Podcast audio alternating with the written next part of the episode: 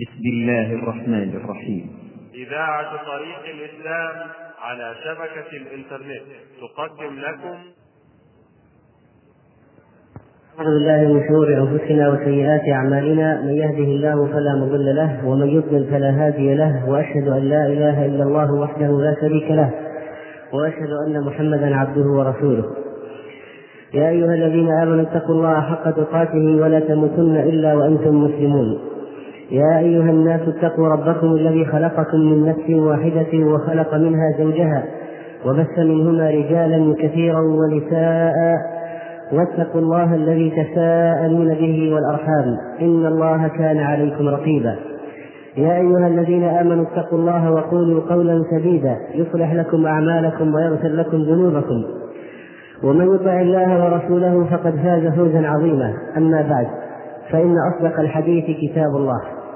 وخير الهدي هدي كلام الله وخير الهدي هدي محمد صلى الله عليه وسلم. وشر الأمور محدثاتها وكل محدثة بدعة وكل بدعة ضلالة وكل ضلالة في النار. لقد تكلمنا في الخطبة الماضية أيها الإخوة عن موضوع الربا وأنه حرام وأن وضع الأموال في البنوك أو شراء شهادات الاستثمار من البنوك بنسب ثابتة معلومة هو عين الربا الذي يعرفه كل مسلم.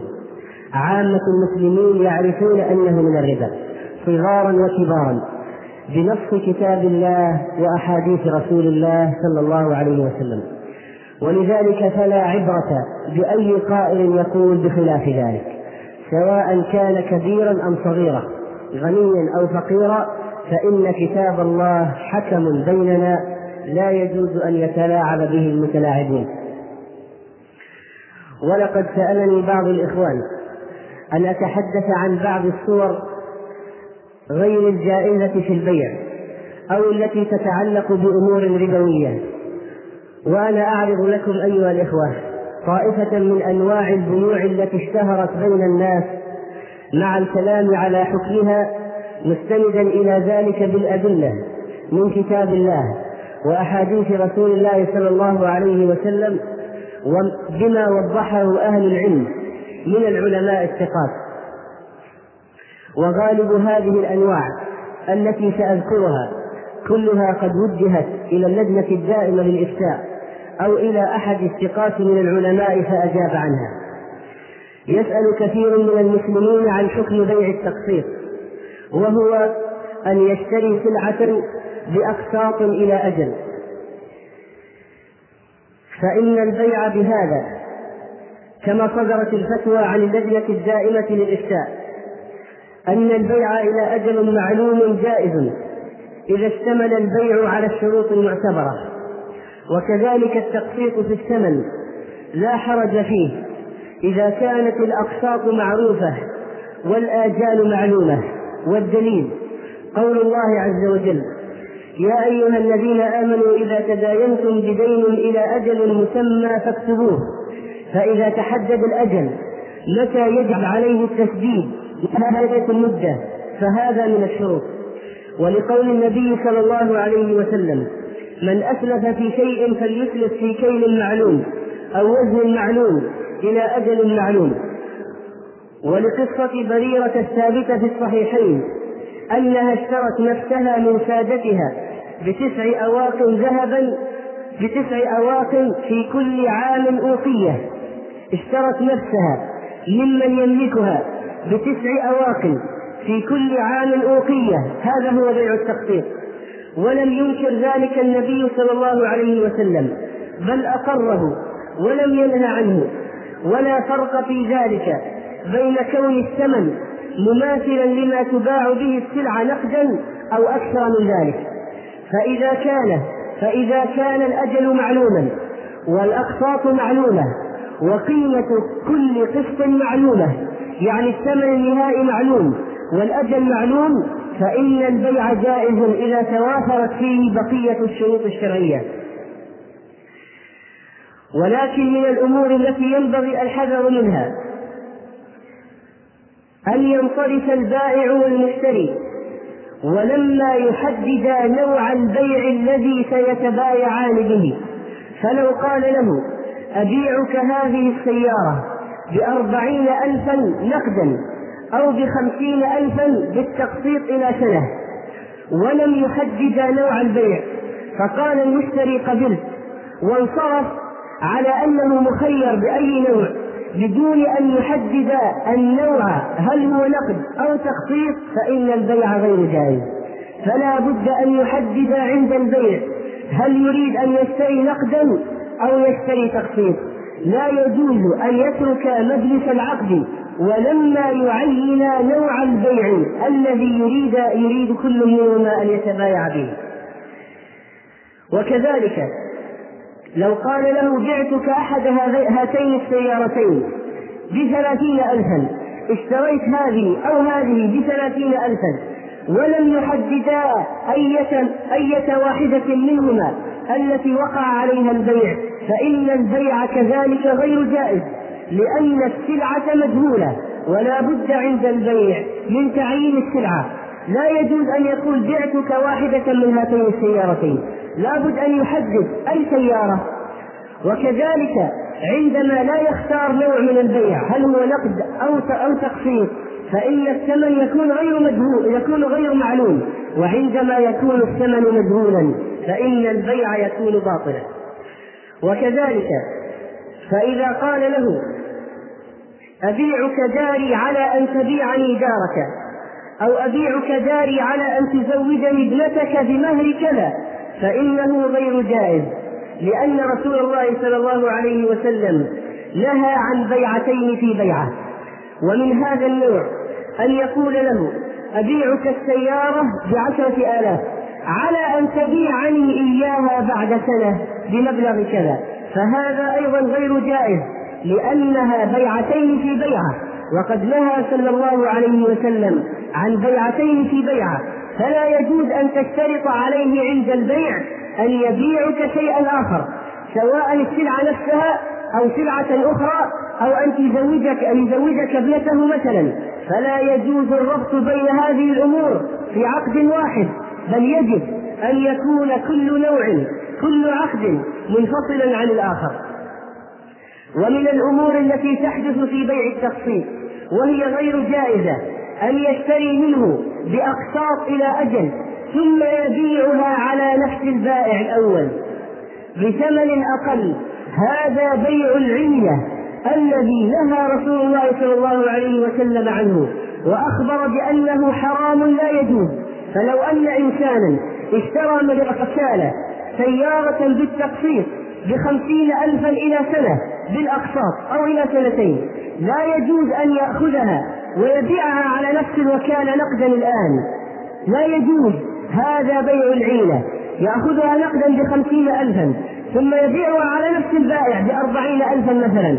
حرام لا يجوز بيع العينة لكن لو أخذها من المعرض واستلمها من الوكالة ثم ذهب بها إلى مكان آخر إلى الحراج إلى معرض إلى صديق له وباعها عليه نقدا فلا بأس بذلك.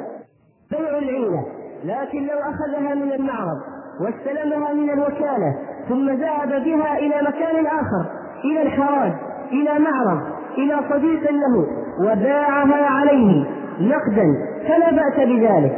يبقى عليه التقسيط دين يدفعه للوكالة والسيارة يبيعها بعد أن استلمها إلى من شاء لكن غير الطرف الأول الذي اشترى منه. أن تبيعها أنا أشتريها منك نقدا. ويكون هذا المشتري من جهة الوكالة فإن هذا غير جائز. ولو لكن لو باعها على طرف آخر لا علاقة له بالبيع الأول فلا بأس بذلك وهو حلال إن شاء الله. وكذلك من المنكرات التي تقع في بيع السيارات أن يعلم البائع أن السيارة فيها العيب الفلاني وفيها الخلل الفلاني ثم يبيعها على مشتر. دون أن يبين له العيب الذي في السيارة. هذا حرام لا يجوز وهو آثم والدليل قوله صلى الله عليه وسلم من غشنا فليس منا من غشنا فليس منا ولا يعطيه أن يقول له أبيعك كومة حديد. كومة حديد بكم تشتري أو يقول له خذها إلى أي ورشة أو إلى أي مكان وفحصها لا يعطيه لأن المشتري قد لا يعلم العيب وقد لا يكتشف الذي في الورشة العيب من أول وهلة لأن بعض العيوب لا تظهر إلا عند الاستعمال على فترة طويلة. ولذلك لا يجوز أن يقول خذها كومة حديد أو خذها وافحصها وأنا لا أقول لك فيها شيء. لا بد أن يبين له العيب إذا كان يعلم العيب. لا بد أن يبين. والدليل قوله صلى الله عليه وسلم البيعان بالخيار ما لم يتفرقا فإن صدقا وبينا بورك لهما في بيعهما وإن كتما وكذبا محقت بركة بيعهما. ولذلك يسأل قائل فيقول أنا بعت سيارتي وكان فيها عيوب لم أبينها للمشتري ماذا أفعل؟ أنا أريد أن أتوب إلى الله.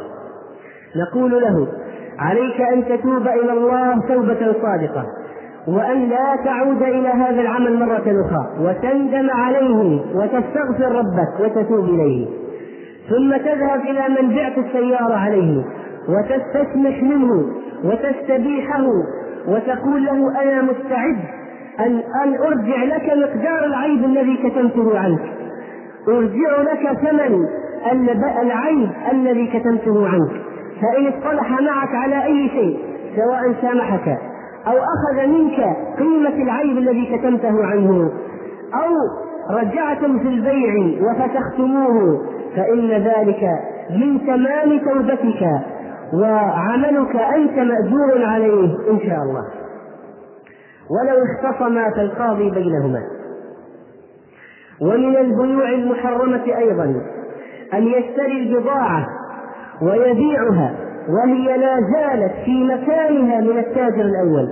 كأن يتصل كأن يعرف إنسان أن شخصا يحتاج إلى كفرات سيارات.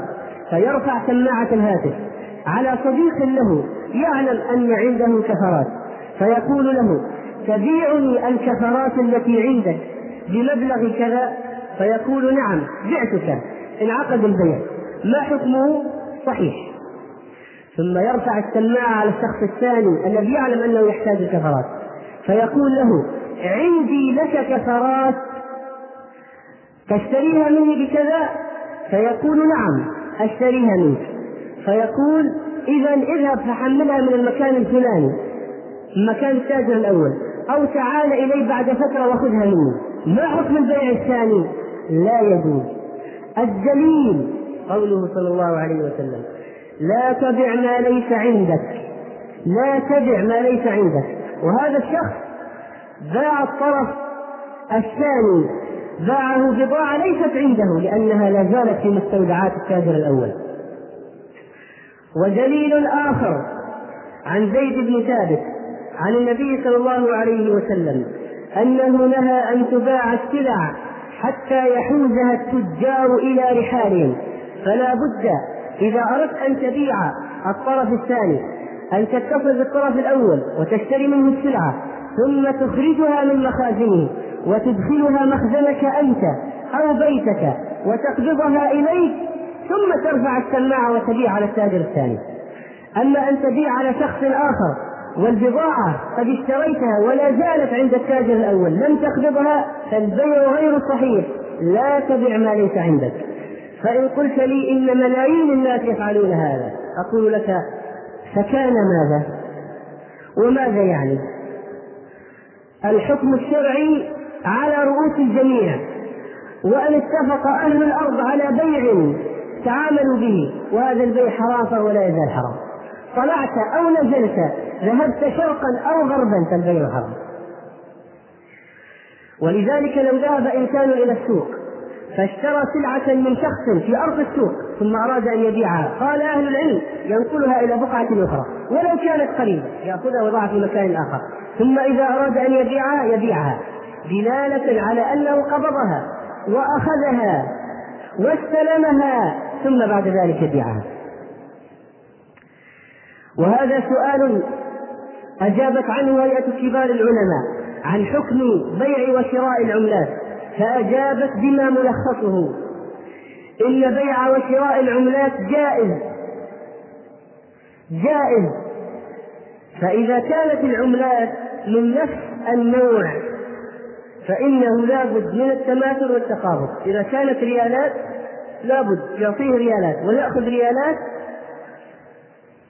في نفس المجلس. تماثل وتقابض.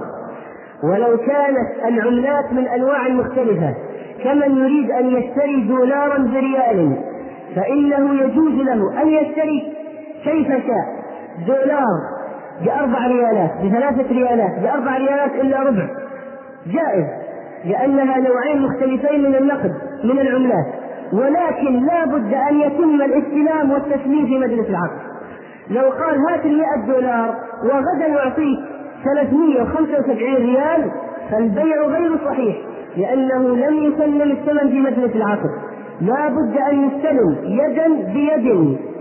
ولذلك أيها الإخوة بلغني أن من التعاملات المتحايلة على الربا أن يقول البنك لتاجر أنا أشتري عندك دولارات؟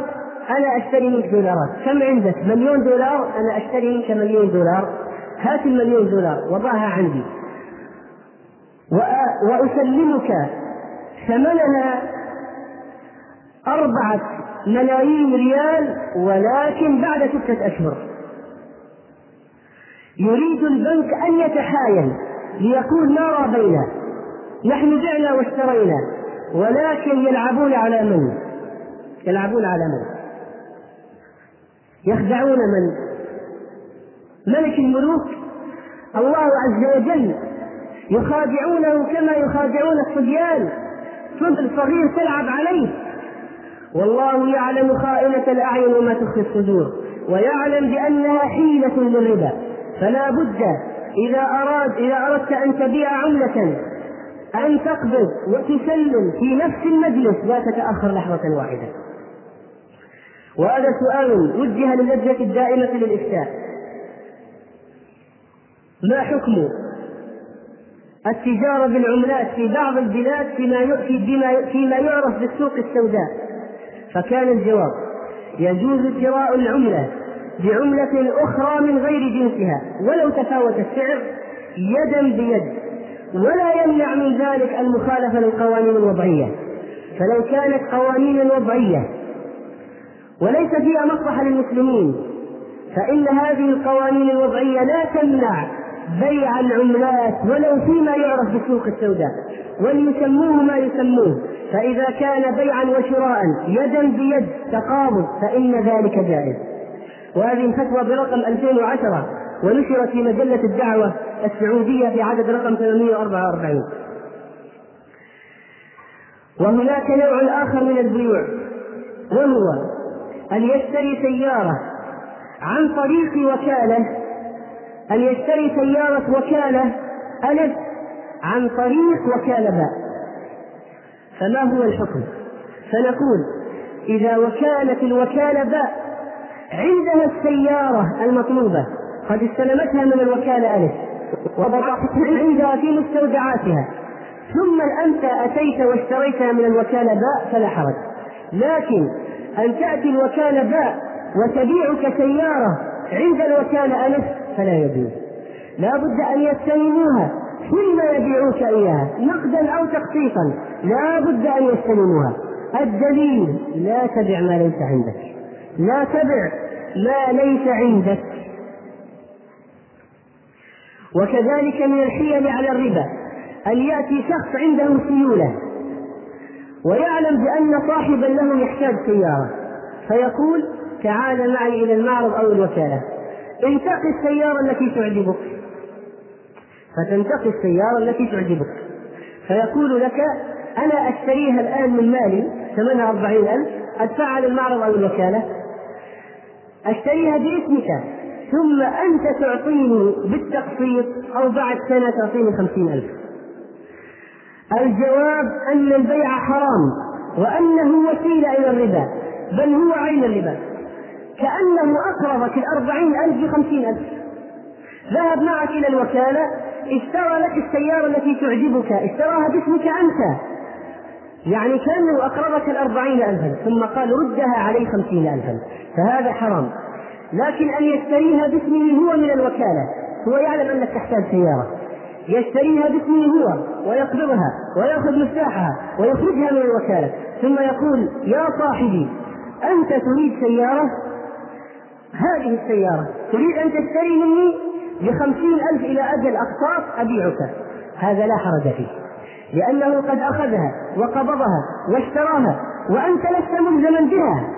أنت لو قلت أنا لا أريد أشتري السيارة غيرت رأيي. خلاص. ليس هناك إلزام. في هذه الحالة يجوز البيع. أيها الإخوة هذه المسائل منتشرة بين الناس جدا ولكن الناس أكثرهم لا يعلمون أكثرهم لا يفقهون أكثرهم لا يخافون الله. فعلا. ولذلك ليس عنده أي حرج من أي بيع أو شراء ما دام فيه ربح لا يسأل لا يستفتي. لا يتفقهون في الدين. لا يرعى الله في بيعه. قد يكون ربا حرام. غير مهم. ما دام في مكسب جيب. هات. هذا هو همهم أن يكسبوا. لا يبالون من حرام أم من حلال. واعلموا بأن بيع الأمور الأشياء المحرمة لا يجوز. كأشرطة الأغاني وأشرطة الفيديو المحرمة أو آلات اللهب اللعو اللهب اللهو واللعب كالكمنجة والعود والمزمار والطبل. كل ذلك حرام بيعه لا يجوز. والله إذا حرم شيئا والله حرم المعازف حرم ثمنه فلا يجوز بيعها. وكل أولئك الذين يتاجرون بهذه الأشياء آثمون عند ربهم. يأكلون سحتا في بطونهم إنما يصلون به من نار جهنم يوم القيامة. إذا لم يتوبوا إلى الله ويعفو الله عنهم. كذلك التاجر الذي يبيع مواد غذائية وهو يعلم أن اللحم الذي يبيعه ليس مذبوحا وإنما هو مصعوقا يعلم يقينا يعلم يقينا. أو أن فيه شوائب خنزيرية أو لحم كلاب أو حمير ثم يبيعها. لا يجوز. حرام. لأن هذا الشيء حرام عند رب العالمين حرمه الله. ولو قال أنا أبيع هذه الأشياء على غير مسلمين يأكلون لحم الكلاب والقطط والحمير. نقول لا يجوز لا يجوز. إن الله حرم أكله فيحرم بيعه. ومن هذا الباب بيع الدم. الذي قال أهل العلم. جمهور العلماء على أن الدم نجس ولذلك حرموا بيعه. لا يجوز بيع الدم. لكن في حالة الضرورة ماذا نفعل؟ في فتوى اللجنة الدائمة الدم أصلا نجس ولا يجوز التداوي به إلا إذا خشي على نفسه الهلاك فيجوز مثل ماذا؟ مثل الميتة أنت في صحراء انقطعت أو شكت على الهلاك كدت أن تموت وجدت ميتة ما حكم الميتة؟ حرام ما حكم الأكل منها؟ حرام لكن للضرورة إذا كدت أن تموت تأكل ما يبقي على حياتك ويسد رمقك. وكذلك هنا الأصل أن الدم يجب. الأصل إذا لا يجوز التداوي به لكن لو خشينا عليه الموت فيجوز عند ذلك. وفي الفتوى المذكورة بل ربما يجب إبقاء على حياة الشخص. وأما أخذ العوض على ذلك أخذ العوض على الدم فلا يجوز. لأن الله إذا حرم شيئا حرم ثمنه. فإن تعذر حصوله على الدم بلا عوض. محتاج لا بد أن يشتري. جاز له أن يشتري ويدفع الثمن للضرورة لكن الذي يبيع الدم هو الذي يأثم ولا يجوز له أن يأخذ الثمن. فالمشتري للضرورة يجوز أن يشتري ولكن الذي يبيع حرام عليه أن يأخذ الثمن. وكذلك فلو أن إنسانا يذهب للتبرع بالدم لأجل المال يذهب لأجل المال فلا يجوز. ولكن أن يتبرع يجب أن نتبرع لله لإنقاذ حياة إخواننا المسلمين هذا الأصل. ولا نكون ممن يبيعونها يبيع جزءا من جسده هذا هذا هذا فيه مشابهة لليهود.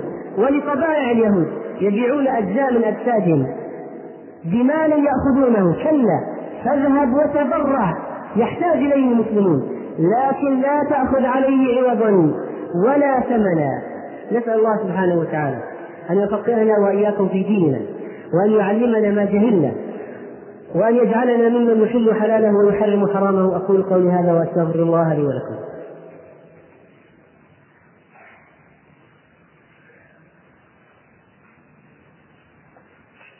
الحمد لله وحده. أشهد أن لا إله إلا هو. لم يتركنا هملا وإنما أرسل إلينا رسولا وأنزل علينا كتابا فبين لنا الحلال وبين لنا الحرام. وقال سبحانه وتعالى يحل لهم الطيبات ويحرم عليهم الخبائث ويضع عنهم إصرهم والأغلال التي في أعناقهم. وصلوات الله وسلامه على المبعوث رحمة للعالمين بشيرا ونذيرا. أرسله الله ليبين لنا ما أنزل إلينا من ربنا فبلغ الرسالة وأدى الأمانة ونصح الأمة صلى الله عليه وسلم. ويسأل بعض الإخوان عن العربون ما حكم أن يأخذ البائع العربون إذا لم يتم البيع؟ فأجابت اللجنة الدائمة لا حرج في أخذ العربون في أصح قولي العلماء. إذا اتفق البائع والمشتري على ذلك ولم يتم البيع. لو قال له أريد أن أشتري منك. وهذا عربون. واتفق على أنه إذا لم يتم البيع أن البائع هو الذي له العربون. فما دام قد اتفقا فيجوز للبائع إذا إذا لم يتم البيع أن يأخذ العربون له. وقد سأل كثير من الإخوان عن حكم وضع النقود في البنوك. وهذه مسألة مهمة لكثرة الحاجة إليها. والحمد لله إن أهل العلم قد بينوا هذه المسألة ونختصرها لكم فنقول. يجوز وضع الأصل عدم جواز وضع النقود في البنوك لأن الدليل ولا تعاونوا على الإثم والعدوان. وأنت ما وأنت عندما تضع النقود عندهم فتساعدهم في إقراضها أو الإقراض منها بالربا لأشخاص آخرين وتدعمهم. ولكن الله عز وجل رحيم. والشريعة لا تقول لك لا تضعها في البنك ولو سرقت أو ضاعت. ولذلك أفتى علماؤنا بجواز وضع النقود في البنوك للضرورة حتى لا تسرق أو تضيع. مثلا وقالوا يختار أقل البنوك تعاملا بالحرام. لأنها كلها فيها حرام. فيختار أقلها تعاملا بالحرام حسب اجتهاده هو. قد نختلف أنا وأنت أي البنكين أبعد عن الحرام. لا بأس. تجتهد في وضع نقودك في أبعد الأمكنة عن الحرام. فماذا تفعل بالفائدة؟ سيسجلون لك فائدة. ماذا تفعل بالفائدة؟ يقول الشيخ عبد العزيز حفظه الله. ولا يجوز اشتراط فائدة حتى ولو كان سينفقها في الخير. لا يجوز أن تقول لهم أنت إنسان تقي لا تريد أن تأخذ الفوائد. لكن تقول أشترط عليهم فوائد حتى أعطي للفقراء لا يجوز. لا يجوز أن تشترط لأن الشرط حرام أصلا. والغاية لا تبرر الوسيلة. ويقول الشيخ فإن دفعت إليه الفائدة من غير شرط ولا اتفاق فلا بأس بأخذها لا له ولكن ليعطيها الفقراء. فإن دفعت إليه الفائدة من غير شرط فلا بأس بأخذها لصرفها في المشاريع الخيرية. كمساعدة الفقراء والغرماء المديونين ونحو ذلك لا ليتملكها أو لينتفع بها. وربما ملخص الفتوى وربما كان الأفضل أخذها وعدم تركها للكفار يستفيدون منها. وأما شراء أسهم البنوك فإنه حرام. الدليل ولا تعاونوا على الإثم والعدوان.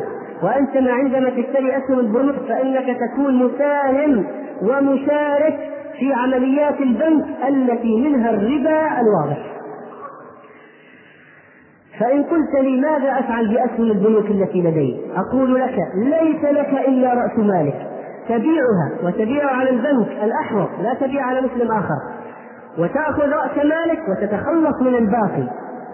وأما أسهم الشركات فكانت الفتوى فيها أن الشركة إذا كان عملها كصناعة أو زراعة مثلا فيجوز المساهمة فيها لكن إذا اكتشفت أنها تتعامل بالربا فلا يجوز لك أن تساهم. لأن بعض الشركات لا يخاف أربابها من رب العالمين. يضعون النقود في البنوك لأن بعض أصحاب الشركات ممن لا يخافون الله. يضعون أموال الشركة في البنوك. ويأخذون الربا ويوزعون منه أرباح على المساهمين فإذا اكتشفت ذلك تبع الأسهم ولا تشترك معهم. والعمل في البنوك حرام لأن الدليل لعن الله آكل الربا ومؤكله وكاتبه وشاهديه. والحارس في البنك حرام كما أفتت اللجنة الدائمة للإفتاء. والدليل ولا تعاونوا على الإثم والعدوان وهو بحراسته يتعاون معهم على الإثم والعدوان. وسأل إنسان أهل العلم إنني أشتغل في قسم محاسبة في إحدى الشركات وهذه الشركة تقترض من البنك بالربا وأنا آخذ هذا المستند البنكي وأسجله في دفتر مديونيات الشركة. فما حكم عملي؟ فكان الجواب أنه حرام لا يجوز لأن لأنك فعلا تكتب الربا. لعن الله آكل الربا ومؤكله وكاتبه. وشاهديه وجاء سؤال إلى اللجنة الدائمة للإفتاء عن رجل يقول عملت في البنك سبع سبعة أشهر ثم أخبرني أحد زملائي أنه حرام. وأخبرني بالدليل أنه حرام. فتركت البنك والتحقت بالخطوط السعودية. فما حكم الرواتب عن السبعة أشهر الماضية؟ فأجابت بما معناه وملخصه إذا لم يكن يعلم أنه حرام أصلا اشتغل عن جهل في البنك ثم أتى إنسان فقال له يا أخي حرام الدليل كذا فلا حرج عليه فيما أخذ لأنه لم يكن يعلم في الرواتب السابقة ولا يجب عليه التصدق بها. لو تصدق أحسن لكن لا يجب عليه. هذا بخلاف من يعلم سلفا أن العمل في البنك حرام وهو يعمل فيه. وأما تحويل العملات أما تحويل الأموال عن طريق البنوك فكانت الإجابة فيها. إذا دعت الضرورة إلى التحويل عن طريق البنوك الربوية فلا حرج إن شاء الله لقوله سبحانه وقد فصل لكم ما حرم عليكم إلا ما اضطررتم إليه. ولا شك أن التحويل عن طريقها من الضرورات العامة في هذا العصر. والمال الذي يأخذونه على التحويل ليس فائدة ربوية وإنما هو أجرة التحويل. ثم يقول تقول الفتوى وإن تمكن من التحويل عن طريق مباح غير البنك لم يجد التحويل عن طريق البنوك الربوية. وأما مسألة بيع وشراء الذهب فإنه يحدث فيها كذلك من المخالفات الشرعية أشياء كثيرة. فمن هذه المخالفات أن يأخذ الذهب ويقول له أسجد لك غدا. لا يجوز. الذهب بالذهب. والفضة بالفضة. يدا بيد مثلا بمثل سواء بسواء تعطيه ذهب خمسة غرام تأخذ خمسة غرام في نفس المجلس. تأخذ ذهب تعطيه قيمتها بالمال بالريالات في نفس المجلس. لا يجوز تقول يعطيك بعد غدا. وكذلك سأل بعضهم إنسان أخذ مني مصاب بألف ريال. وليس معه. فقلت له حرام لابد أن تعطيني الألف الآن. فقال المشتري للبائع كلفني ألف ريال من الخزينة. فلما كلفه قال خذ هذه هذا هو الثمن فكان الجواب لا يجوز إلا نقدا. فإن قال سلفني لا يجوز لأنه احتيال على الربا وجمع بين سلف وبيع ولا يجوز الجمع بين سلف وبيع في عقد واحد. وكذلك لا يجوز بيع الذهب القديم بالذهب الجديد مع إعطاء الفرق كما سبق أن بينا.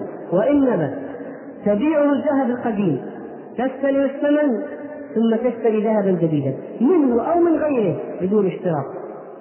فإن قلت لي ما هو الفرق أقول لك اذهب إلى دكاكين الذهب وعندما تقول له سأبيعك القديم وآخذ الثمن ثم أشتري منك أو من غيرك سيكون الثمن سيكون شراؤه منك غير. عندما تقول له خذ القديم وهات وسأشتري منك جديدا. لتعلم أن هناك فرقا بينهما. الخلاصة أيها الإخوة الحالات كثيرة جدا والأسئلة لا تنتهي وحياتنا معقدة وقد تداخلت الأمور فيها تداخلا كبيرا. عليكم بسؤال أهل العلم وقد نقلت إليكم طائفة من فتاويهم مقرونة بالأدلة. اللهم إنا نسألك أن تطهر أموالنا من الحرام وأن تجعل مكاسبنا وأموالنا حلالا. اللهم اجعل ما يدخل بيوتنا حلالا. اللهم اجعل ما اللهم اجعل ما نغذي به أجسادنا وأبناءنا حلالا. وباعد بيننا وبين الحرام. اللهم أغننا بحلالك عن حرامك وبفضلك عن نفسك اللهم أغننا بحلالك عن حرامك وبفضلك عمن سواك. اللهم أغننا بحلالك عن حرامك وبفضلك عمن سواك. ونحن نفرح أيها الإخوة. وقد أذن الله بعقاب المفسدين في الأرض.